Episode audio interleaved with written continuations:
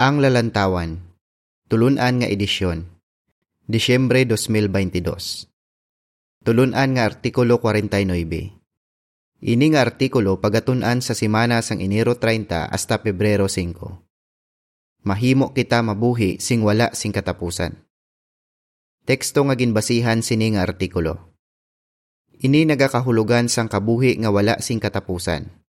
Juan 17.3 ang bahanon 147. Kabuhi nga dayon, saad sa aton.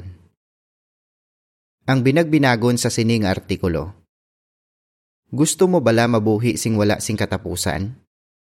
Nagpromesa si Jehova nga maabot ang tion nga matabo gid ini kag indi na gid kita mabalaka parti sa kamatayon. Binagbinagon sa sining artikulo ang pila ka rason kung nga ang makasalig kita nga tumanon gid ni Jehova ang iya promesa. Para po uno, pamangkot. Ano ang resulta kung pamalandungan naton ang ginpromesa ni Jehova nga kabuhi nga wala sing katapusan? Nagpromesa si Jehova nga hatagan niya sang kabuhi nga wala sing katapusan ang mga magatuman sa iya. Roma 6.23 Kung pamalandungan naton ini, mas palanggaon pagid naton si Jehova. Huna-hunaa ini. Palangga gid kita sang aton amay sa langit Gani gusto niya nga makaupod naton siya hasta sa wala sing katapusan. Para po dos, pamangkot.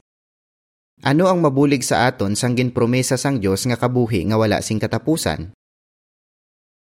Ang ginpromesa sang Dios nga kabuhi nga wala sing katapusan nagabulig sa aton nga mabatas ang mga pagtilaw. Bisan pa pahugon kita sang aton mga kaaway nga patyon nila kita, indi gid kita maguntat sa pag-alagad kay Jehova. Nga ah, bangod kabalo kita nga kung mapatay kita nga matutom kay Jehova, banhawon niya kita kag may paglaom kita nga indi nagid mapatay. Nga makasigurado kita nga mahimo kita mabuhi sing wala sing katapusan. Binagbinago naton ang mga rason. Nagakabuhi si Jehova sing wala sing katapusan. Para po tres, pamangkot. Nga makasigurado kita nga masarangan ni Jehova nga hatagan kita sang kabuhi nga wala sing katapusan. Kabalo kita nga masarangan ni Jehova nga hatagan kita sang kabuhi nga wala sing katapusan, bangod siya ang ginhalinan sang kabuhi kag nagakabuhi siya sing wala sing katapusan. Talupang daang pila ka teksto sa Biblia nga nagapamatuod nga si Jehova wala sing ginsuguran kag wala sing katapusan. Ang Salmo 92 nagasiling nga si Jehova halin sa wala sing katubtuban, tubtub sa wala sing katubtuban. Pareho man sa sini ang mabasa sa Salmo 102. Ang Salmo 102.12 nagasiling, Apang ikaw, O Jehova, nagakabuhi sa wala sing katubtuban, kag ang imo kadungganan magapadayon sa tanan nga kaliwatan. Ang bersikulo 24 nagasiling, Nagsiling ako, O Diyos ko, hindi pagkuhaa ang akon kabuhi samtang bataon pa ako. Ikaw nga nagakabuhi sa tanan nga kaliwatan. Ang bersikulo 27 nagasiling. Apang ikaw amuman gihapon, kag wala kasing katapusan. Kag amo ini ang ginsiling ni manalag na Habakuk parte sa aton amay sa langit. O Jehova, hindi bala nga nagakabuhi ka na sang una pa? Ikaw ang akon balaan nga Diyos, kag wala kasing kamatayon. Habakuk 1.12 Para po 4. Pamangkot Dapat bala kita mabalaka kung nabudlayan kita nga hangpon nga si Jehova wala sing ginsuguran? Ipaathag. Ara na si Jehova halin pa sa wala sing katubtuban. Isayas 40.28 Nabudlayan ka bala nga hangpon ini? Madamo nga tawo ang amo man sini ang ginabatsyag. Amo ini ang ginsiling ni Eliho parte sa Dios. Hindi maisip ang iya mga tinuig. Hob 36:26. Pero bisan pa wala nato nahangpan ang parte sa isa ka butang, hindi buot silingon sini nga hindi ini matuod. Halimbawa, bisan pa wala nato nahangpan sing bugos ang parte sa kasanag, hindi buot silingon sini nga hindi matuod ang kasanag. Sing kaanggid, hindi naton mahangpan sing bugos kung paano nga si Jehova wala sing ginsuguran kag wala sing katapusan. Pero indi buot silingon sini nga indi ini matuod. Ang kamatuoran parte sa manunuga, wala nagadepende sa aton nahangpan o kun wala nahangpan. Kag ara na siya, antes pa nagluntad ang tanan nga ara sa universo, lakip ang adlaw kag mga bituon. Sigurado kita nga si Jehova ang manunuga sang duta kag paagi sa iya gahom ginhimo niya ini. Huo, ara na siya antes niya ginhumlad ang kalangitan. Jeremias 51.15 Ano ang isa pa karason kung nga asigurado kita nga mahimo kita mabuhi sing wala sing katapusan? Gintuga kita para mabuhi sing wala sing katapusan. Para po singko, pamangkot. Ano nga paglaom ang ginhatag sa una nga mag-asawa? May kamatayon ang tanan nga gintuga ni Jehova sa duta nga may kabuhi, magluwas lang sa mga tao. Gintuga niya sila nga may pinasahi nga paglaom nga indi mapatay. Pero, ginpaandaman ni Jehova si Adan. Indi gid ikaw magkaon sang bunga sang kahoy sang pagkilala sang maayo kag malain. Kaysa adlaw nga magkaon ka sang bunga sini, patud gid nga mapatay ka. Hineses 2.17 Kung gintuman lang ni Adan kag ni Eva sa Jehova, wala sila kuntani na patay. Kung wala sila nagpakasala, Posible gid nga tugutan sila ni Jehova nga kaunon ang bunga sang kahoy sang kabuhi. Kung makakaon sila sini, makasaligid sila nga hatagan sila sang Dios sing kabuhi nga dayon ukon kabuhi nga wala sing katapusan. Hineses 3.22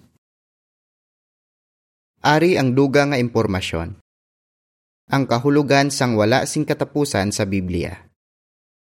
Ang Hebreo nga tinaga nga olam masami nga ginatranslate nga wala sing katapusan. Sa Biblia, pwede ini magpatuhoy sa isa ka buta nga madugay na nga nagaluntad halin pa sang una ukon magaluntad sa malawig nga tion. Kag wala mabalaan kung saan o ini nagumpisa o kung saan o ini matapos. Pwede man ini magpatuhoy sa isa ka buta nga padayon nga magaluntad hasta o. Amo ini ang buot silingon sang ginasiling sang Biblia nga si Jehovah wala sing katapusan. Gintranslate sang bagong kalibutan nga badbad ining Hebreyo nga tinaga sa lain-lain nga ekspresyon depende sa konteksto. Ang halimbawa sa sini amo ang wala sing katapusan. Dayon, tubtubsan o, kaghalin sang una. Balik sa artikulo. Para po size kag 7, pamangkot sa A. Ano pa ang nagapamatuod nga gintuga ang mga tawo para magkabuhi sing wala sing katapusan? Pamangkot sabi, Ano ang mga gusto mo nga himuon sa paraiso? Masarangan sang aton utok nga magtago sang madamo nga impormasyon sa bilog naton nga kabuhi. Pero suno sa pila ka scientist, mas madamo pa kuntani ang masarangan nga matago sang aton utok. Makapahuna-huna gid ini. Sang 2010, ang isa ka artikulo sa magasin nga Scientific American Mind nagsiling nga masarangan sang aton utok nga magtago sing mga 2.5 ka milyon ka gigabyte nga impormasyon. Katumbas ini sang 3 ka milyon ka oras, sobra 300 ka tuig, nga programa sa TV. Pero posible nga sobra pa sa sini ang masarangan sang aton utok. Ginapakita sini nga gindisenyo ni Jehova ang aton utok nga makasarang magtago sang impormasyon nga sobra pa sa matun-an naton sa sulod lang sang 70 o kun 80 ka tuig. Gintuga man kita ni Jehova nga may mabaskog nga handom nga magkabuhi sing wala sing katapusan. Ang Biblia nagasiling nga ginbutang sang Dios sa tagipusoon sang mga tawo ang wala sing katubtuban. Manugwali 3.11 Amo ini ang isa ka rason kung nga ginakabig naton nga kaaway ang kamatayon. Kung magmasakit kita sing grabe, nagahulat na lang bala kita nga mapatay? Wala. Sa masami, Nagapadoktor kita kang nagatumar kita sang bulong para mag-ayo kita. Ginahimo naton ang tanan para indi kita mapatay. Kag kun may mapatay sa aton mga pinalangga, bata man o kuntigulang, hindi bala nga nasubuan gid kita? Handom gid naton nga mabuhi sing wala sing katapusan, kag may ikasarang kita nga makatuon hasta sano. Kung indi katuyuan sang aton mahigugmaon nga manunuga nga magkabuhi kita sing wala sing katapusan, wala niya kuntani kita ginhatagan sini nga handom kag ikasarang. Pero may iban pa nga mga rason kung nga a makapatigid kita nga mahimo kita mabuhi sing wala sing katapusan. Binagbinago naman naton ang mga ginhimo ni Jehovah sang una kag ang mga ginahimo niya subong nga nagapamatuod nga wala nagbag-o ang iya katuyuan. Ari ang paathag sa mga picture nga gingamit para sa parapo 7. Ginahuna-huna sang isa katigula nga brother ang mga gusto niya himuon kung nagakabuhi na siya sing wala sing katapusan. Ang caption sini nga mga picture nagasiling. Bangod may paglaom kita nga mabuhi sing wala sing katapusan, makapalig-on gid huna-hunaon ang mga pwede naton himuon sa palaabuton. Wala nagbag-o ang katuyuan ni Jehovah. Para po 8, pamangkot. Base sa Isaiah 55.11, ano ang masiling naton parte sa katuyuan ni Jehovah para sa aton? Sang nagpakasala si Adan kag si Eva, nagresulta ini sa kamatayon sang ila mga anak. Pero bisan pa amo sini ang natabo, wala ginbag-o ni Jehovah ang iya katuyuan. Ang Isaiah 55.11 nagasiling. Amo man ang pulo nga nagagwa sa akon baba hindi ini magbalik sa akon nga wala sing katumanan, kundi tumanon sini ang akon duyag. Kag patod nga magama dinalagon ini sa ginsugo ko nga himuon sini. Katuyuan niya gihapon nga mabuhi sing wala sing katapusan ang matutom nga mga tawo. Masiling gid naton ini base sa mga ginsiling kag ginhimo ni Jehova para matuman ang iya katuyuan. Para punoy be, pamangkot. Ano ang ginpromesa sang Dios? Nagpromesa si Jehova nga banhawon niya ang mga patay, kag hatagan niya sila sang paglaom nga mabuhi sing wala sing katapusan. Sigurado ang matutom nga si Job nga gusto gid ni Jehova nga banhawon ang mga patay.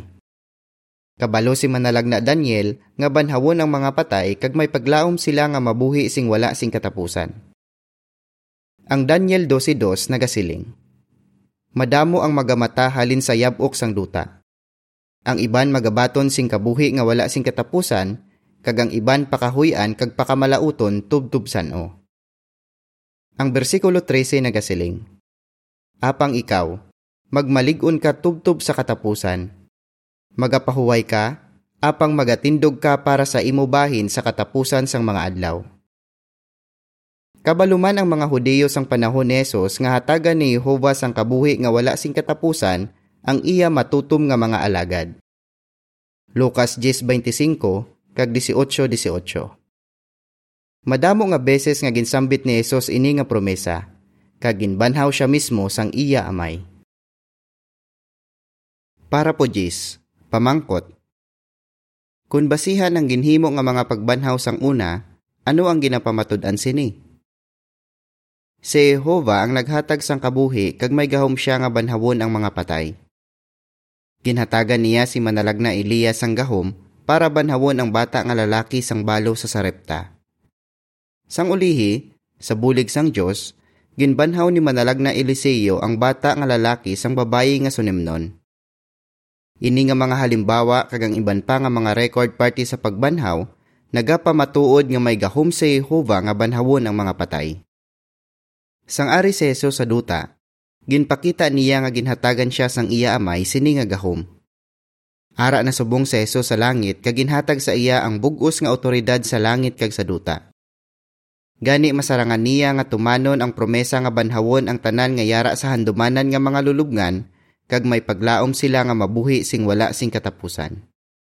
Mateo 28:18 kag Juan 5:25 hasta 29. Ang caption sang picture nagasiling. Kung basihan ang pagbanhaw nga ginhimo ni Elias, ano ang masaligan mo nga matabo sa ulihi? Para po onse, pamangkot. Paano ginpaposible sang gawad ang kabuhi nga wala sing katapusan para sa aton?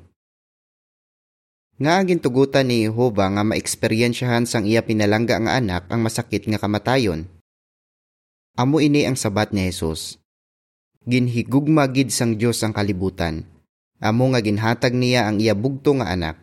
Agud ang tanan nga nagatuo sa iya, hindi malaglag, kundi makatigayon sang kabuhi nga wala sing katapusan. Juan 3.16 Bangod ginhatag sang Dios ang iya anak bilang gawad para tabunan ng aton mga sala, nangin posible ang kabuhi nga wala sing katapusan para sa aton. Ginpaatag ni Apostol Pablo ining importante nga bahin sang katuyuan sang Dios. Nagsulat siya, Tungod sa isa ka tawo may kamatayon, kag tungod man sa isa ka tawo may pagkabanhaw. Tungod kay Adan ang tanan nagakapatay, kag tungod man sa Kristo ang tanan mabanhaw. Unang Korento 15:21 kag 22. Para po 12, pamangkot. Paano tumano ni Jehova ang iya katuyuan? Gintudluan ni Jesus ang iya mga sumulunod nga ipangamuyo ang pagkari sang ginharian sang Dios kag ang katumanan sang kabubuton sang Dios sa duta. Nalakip sa katuyuan sang Dios ang paghatag sa mga tawo sang kabuhi nga wala sing katapusan. Para matuman ini, gintangdo ni Jehova ang iya anak nga manginhari isang misyanikong ginharian. Kaginatipon sang Dios ang 144,000 katawo halin sa duta para mangin kaupod ni Jesus sa pagtuman sang kabubuton sang Dios. Para po 13, pamangkot. Ano ang ginahimo subong ni Jehova? Kag ano ang dapat mo himuon? Ginatipon subong ni Jehova ang dako nga kadaman sang mga tawo kag ginahanas niya sila nga manginsakop sang iya ginharian. Bugna 7:9 kag 10. Nabahin-bahin ang kalabanan nga mga tawo sa kalibutan bangod sang kaakig kag inaway. Pero ginapanikasugan sang dako nga kadaman nga madula ang ila kaakig sa tanan nga tawo anuman ang ila pungsod, tribo, kag rasa. Daw pareho lang nga ginasalsal nila ang ila espada para mangin puntas ang arado. Imbis nga mag-intra sa mga inaway nga nagaresulta sa pagkapatay sang madamo nga tawo, ginabuligan nila ang mga tawo nga makita ang matuod nga kabuhi paagi sa pagtudlo sa ila parte sa matuod nga Dios kag sa iya mga katuyuan. Unang Timoteo 6:19. Bangod ginasuportahan nila ang ginharian sang Dios, posible nga pamatukan sila sang ila pamilya ukon posible nga maapektuhan ang ila palangabuhian. Pero ginasigurado ni Jehova nga may ara sila sang ila mga kinahanglanon. Ginapakita sini nga matuod gid ang ginharian sang Dios kag padayon sini nga tumanon ang katuyuan ni Jehova. Isa ka matahom nga palaabuton. Para po 14 kag 15. Pamangkot. Paano matuman ang promesa ni Jehova nga dulaon ang kamatayon? Nagahari na subong sa Hesus sa ginharian sang Dios sa langit. Kag tumano niya ang tanan nga ginpromesa ni Jehova. Sugod sang 1914, nagagahom na si Jesus sa tunga sang iya mga kaaway. Sa hindi na lang madugay, tapuso niya kag sang iya kaupod nga mga manugahom ang ila pagpangdaog kag laglagon nila ang tanan nga malain nga tawo.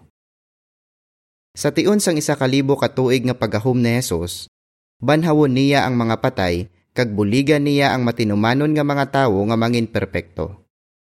Pagkatapos ang katapusan nga pagtilaw, ang mga matarong base sa paghukom ni Jehova magapanubli sang duta, kag magapuyo sila sa sini sa wala sing katubtuban. Salmo 37:29. Makalilipay gid kay dulaon na ang katapusan nga kaaway nga amo ang kamatayon. Unang Korento 15:26. Para po 16, pamangkot. Ano dapat ang aton panguna nga rason sa pag-alagad kay Jehova? Natun-an naton nga nabasigid sa pulong sang Dios ang aton paglaom nga mabuhi sing wala sing katapusan. Mabuligan kita sini nga paglaom nga magpabilin nga matutom sa sining mabudlay nga katapusan nga mga adlaw. Pero para malipay sa aton sa Jehova, dapat matutom kita sa iya, hindi ilang bangod gusto naton nga mabuhi sing wala sing katapusan. Ano dapat ang aton panguna nga rason? Gusto naton nga magpabilin nga matutom kay Jehova kag kay Hesus, bangod palangga gid naton sila. Kun palangga naton sila, mapaligon kita sini nga ilugon sila kag isugid sa iban ang aton paglaom. Kun amo ini ang aton rason sa pag-alagad, kag kun ginahimo naton ang aton bugos nga masarangan sa pagbulig sa iban, manginabyan kita ni Jehova hasta sa wala sing katapusan. Para po 17, pamangkot. Ano ang dapat himuon sang kada isa sa aton? Gusto bala naton nga mabuhi sing wala sing katapusan? Ginhatagan kita ni Jehova sini nga paglaom. Pero mabaton lang naton ini kung magpabilin kita sa dalan nga nagapadulong sa kabuhi. Ang Mateo 7:13 kag 14 nagasiling. Magsulod kamo sa makitid nga gawang, kay masangkad ang gawang kag malapad ang dalan nga nagapadulong sa kalaglagan. Kag madamo ang nagaagi sa sini. Apang makitid ang gawang kag mabudlay ang dalan nga nagapadulong sa kabuhi. Kag pila lamang ang nakatultol sini. Ano ang mapaabot naton kung may kabuhi na kita nga wala sing katapusan? Binagbinago naton ini sa masunod nga artikulo. Ano ang imo sabat? Ano ang aton pamatuod nga gintuga ang mga tawo para magkabuhi sing wala sing katapusan?